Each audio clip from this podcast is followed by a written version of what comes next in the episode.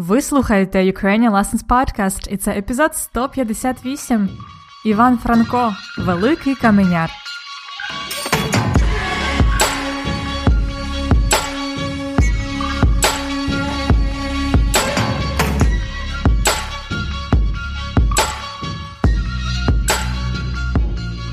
Привіт! Це Анна, і ви слухаєте подкаст для всіх, хто вивчає і любить українську мову. Ukrainian Lessons Podcast. Як ваші справи? Сподіваюся, все нормально. І якщо ви були на карантині, то ви поступово повертаєтесь до життя. У мене особливо нічого не мінялося, бо я працюю вдома завжди, але зараз з'явилась надія на краще, особливо тому, що гарна погода, весна. Зараз триває і закінчується четвертий сезон подкасту, у якому я повільною українською мовою розповідаю вам щось цікавеньке про Україну, українців, нашу історію та культуру.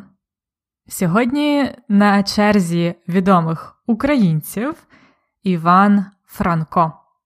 Про нього я просто не могла не згадати. Тарас Шевченко, Леся Українка та Іван Франко. Це фактично трійка наших найкращих письменників. Про перших двох я, розповідала вже в попередніх двох епізодах. А сьогодні розповім трошки про Івана Франка. Це український поет, прозаїк, літературний критик, фольклорист, драматург, публіцист, філософ, перекладач. Ох, скільки в нього було професій. Якщо коротко, то Франко це справжній геній.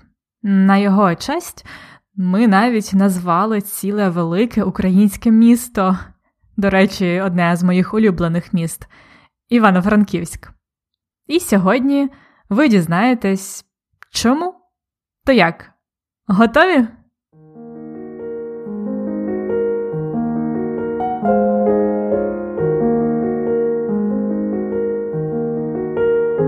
Іван Франко Великий Каменяр Іван Якович Франко народився 27 серпня 1856 року на Галичині в селі Нагуєвичі. Галичина це досить великий регіон на заході України і сході Польщі. Зараз Галичина це Львівська, частина Тернопільської та Івано-Франківська область. Багато наших слухачів мають е, знати про Галичину як е, землю їхніх родичів, бо багато галичан емігрували колись до США та Канади. Це було наприкінці 19-го, на початку 20-го століття. Так от, Іван Франко народився на Галичині в родині коваля. Коваль це професія, яка колись була дуже затребуваною, тобто потрібною. Людина, яка виготовляє металеві предмети або обробляє метал, називається коваль. Тато Франка був ковалем. Тобто це була досить е, звичайна професія. Можна сказати, що Іван Франко народився в звичайній сім'ї, хоча вони були досить е, заможні, оскільки коваль багато заробляв. З маличку, тобто з дитинства, Іван був дуже кмітливим, він е, до всього проявляв допитливість. Тому батьки влаштували сина до однієї з найкращих шкіл у регіоні до Дрогобицької гімназії.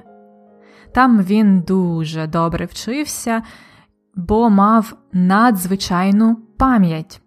Франко у своїх листах згадує, що вивчив майже всі твори Тараса Шевченка на пам'ять. Очевидно, що з дитинства Франко мав талант від Бога, тобто був дуже талановитим, обдарованим.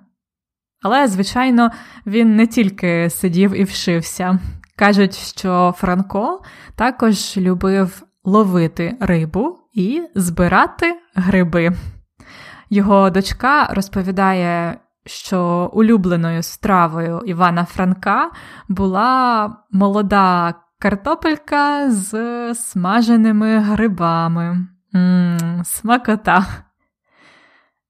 Але, на жаль, коли Іванові було всього 9 років, помер його батько Яків. Мама Франка вийшла заміж вдруге, і в Івана з'явився відчим Григорій. Відчим це нерідний батько, тобто другий чоловік матері. Відчим. Якщо казати про жінку, яка не є рідною мамою, то вживаємо слово мачуха. Відчим мачуха. Так от, у Франка був відчим Григорій, який дуже його любив і допомагав Іванові чим міг. На жаль, мама Франка теж померла рано, коли Іванові було 16 років, тобто Іван Франко став сиротою.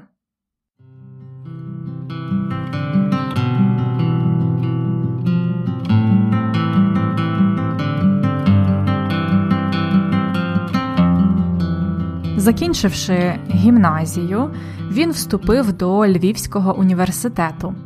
Потім також навчався у Чернівецькому університеті і захистив дисертацію у Віденському університеті в Австрії.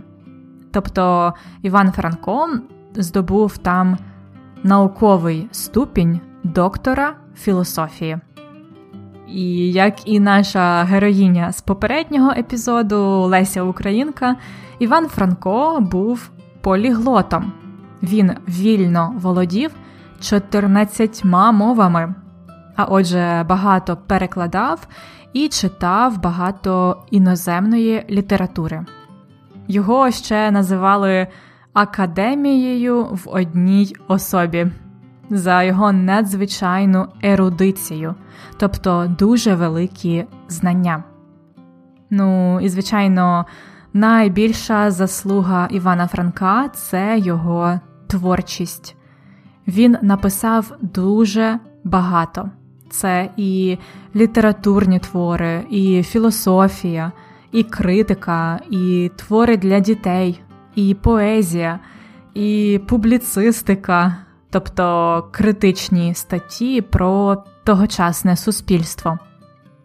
На той час, на кінець 19 століття, у суспільстві відбувалися великі зміни. Як і багато молодих людей, Іван Франко захопився ідеями соціалізму, читав е, Маркса і Енгельса. Але вже наприкінці свого життя він писав, що цілковитий соціалізм призведе тільки до біди, що соціалізм це тюрма. Іван Франко відіграв е, важливу роль в об'єднанні українців з різних регіонів з заходу до сходу. Можливо, ви пам'ятаєте, що Тарас Шевченко, який фактично створив національну ідею українців, він був з центральної України, з Наддніпрянщини, з тих територій, які належали Російській імперії. А Іван Франко був з Галичини, тобто з території, яка належала колись до Польщі, а потім до Австро-Угорської імперії. Так от е, Франко був одним з перших, хто сказав, що людям на Галичині, галичанам, потрібно називатися не русинами, а українцями, так само, як і на інших е, українських територіях. До речі, за свої революційні і патріотичні ідеї Франко не раз потрапляв до в'язниці. Одного разу він навіть е, мало не помер там з голоду.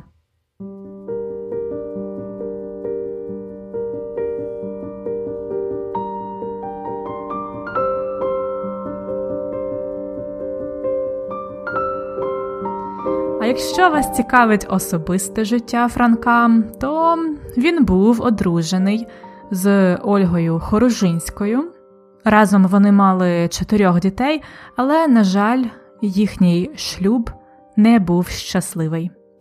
Взагалі, пізні роки Франка не були веселими. Він хворів і дуже багато працював і вдень, і вночі. Помер Іван Франко у Львові у 1916 році і був похований на Личаківському кладовищі. До речі, ви можете відвідати його могилу, якщо будете у Львові. Личаківське кладовище відоме місце у Львові. Там, на його могилі, ви побачите дивний пам'ятник чоловік е, з таким інструментом. Це каменяр, людина, яка працює з каменем, каменяр. Річ у тім, що Іван Франко одного разу написав вірш Каменярі. Це поезія про революціонерів, які розбивають камінь або скелю для того, щоб відкрити для себе щось нове, новий світ, нове життя, вільне життя для українців. Тому Франка і називають часто Великий Каменяр. А слова з цього вірша лупайте цю скалу, тобто розбивайте камінь для нового життя. Ці слова стали в Україні афоризмом лупайте цю скалу. Про творчість Франка важко щось розповісти за кілька хвилин, бо за своє життя Франко написав аж 6 тисяч творів. Його збірник найважливіших творів видали, і це було 50 томів, тобто 50 книг. І це всього третина всього, що він написав. Ну так, такій продуктивності можна тільки позаздрити, правда? Цікаво, чи хтось здатен на таке в наші часи, коли нас постійно відволікають технології? Я не думаю. А якщо ви хочете дізнатися більше про Івана Франка у дуже гарній формі відео, такого мультика. На сторінці цього епізоду я залишу посилання на цікаве відео на Ютубі.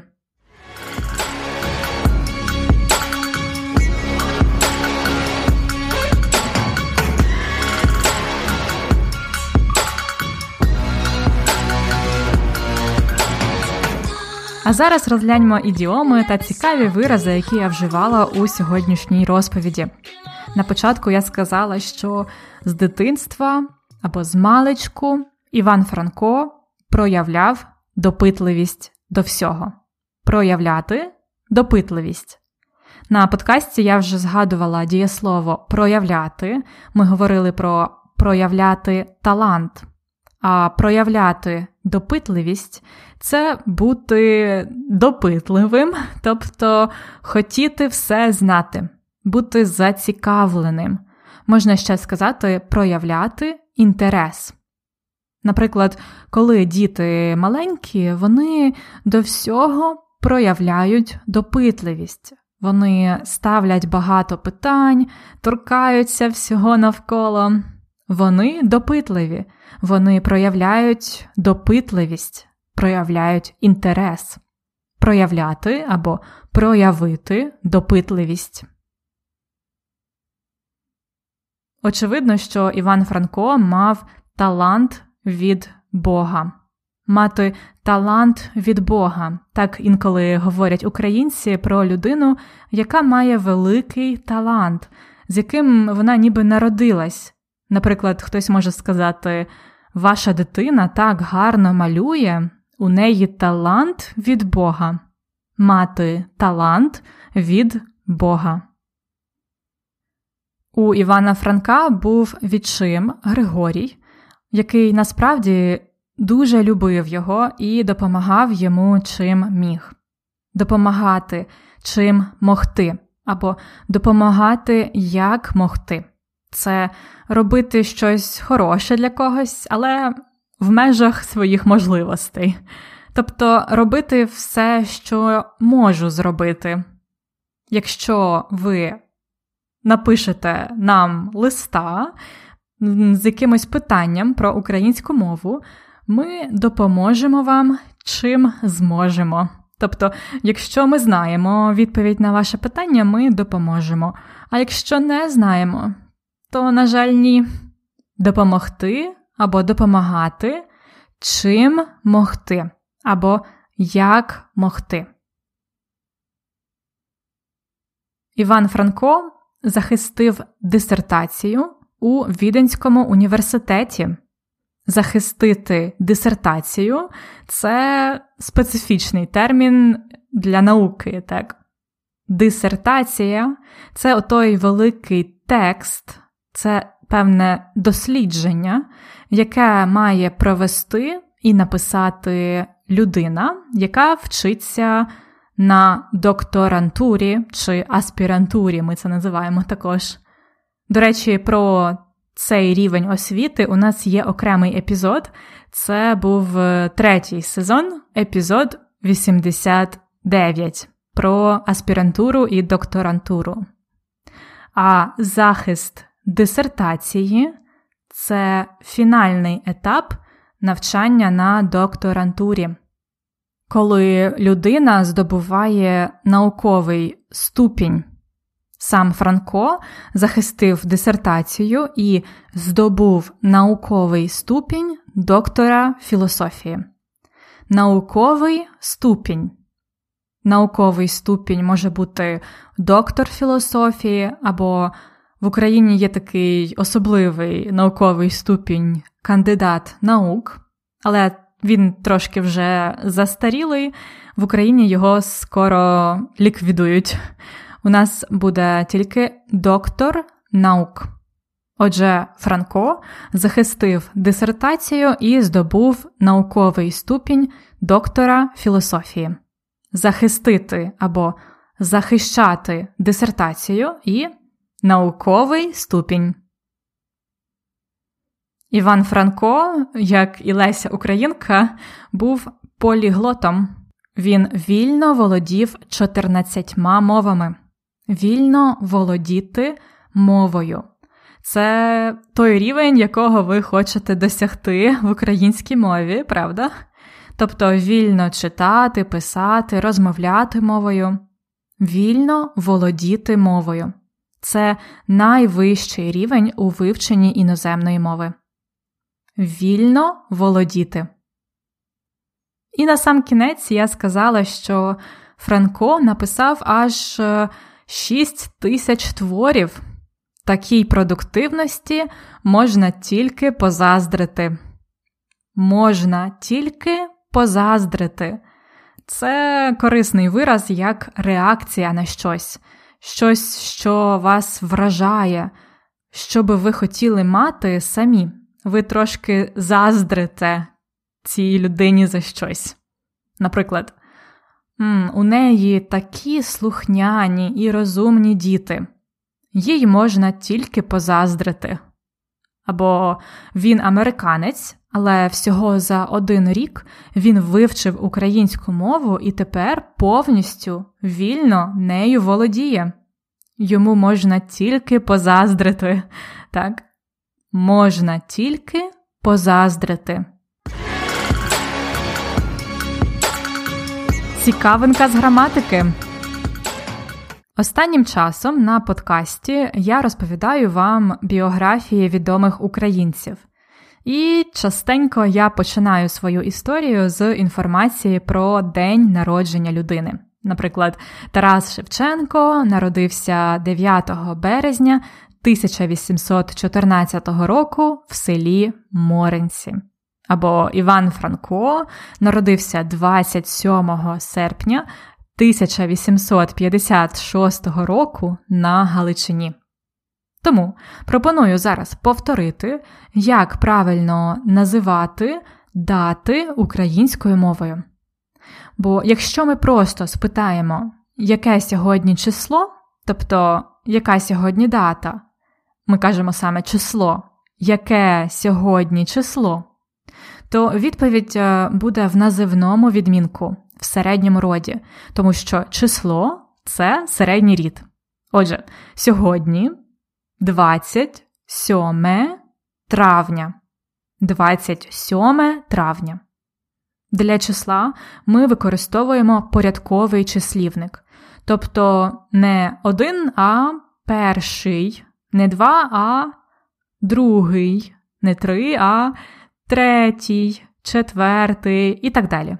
Але в середньому роді перше, друге, третє, перше травня, друге травня, третє травня.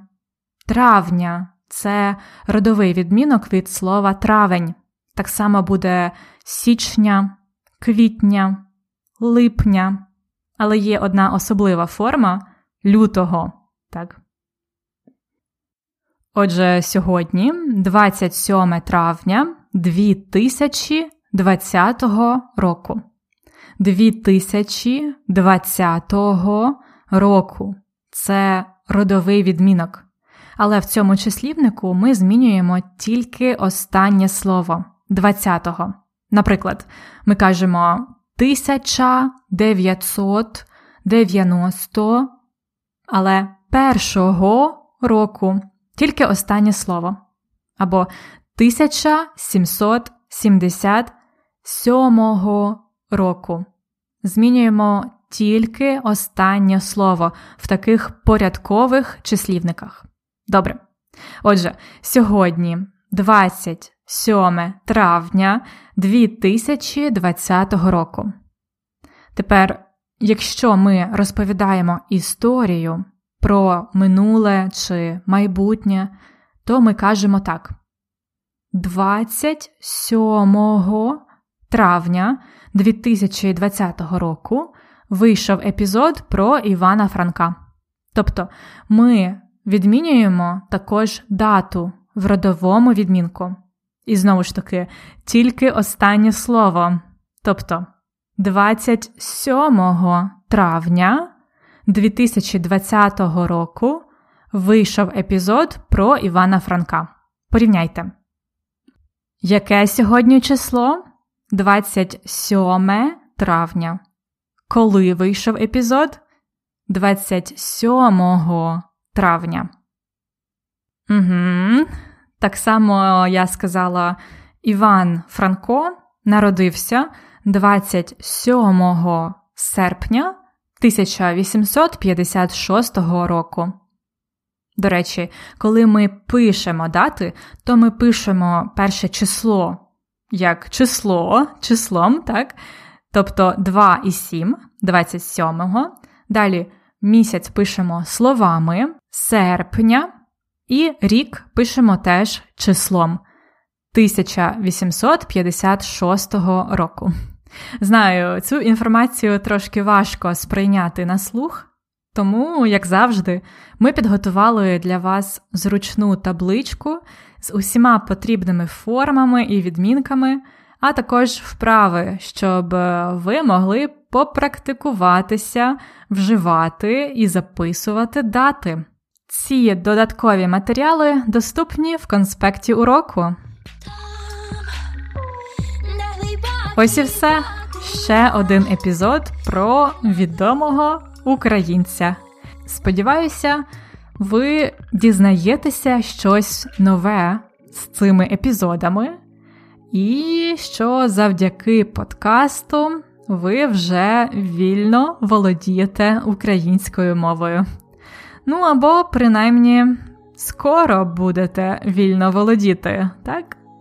До речі, для вашої зручності та додаткового навчання запрошую вас завантажити конспекти уроків, які містять повні транскрипти цих епізодів, таблиці з ідіомами та граматикою, а також вправи з відповідями. Конспекти та картки з ідіомами доступні за преміум підпискою, більше про яку ви можете дізнатися за посиланням ukrainianlessons.com риска епізод 158.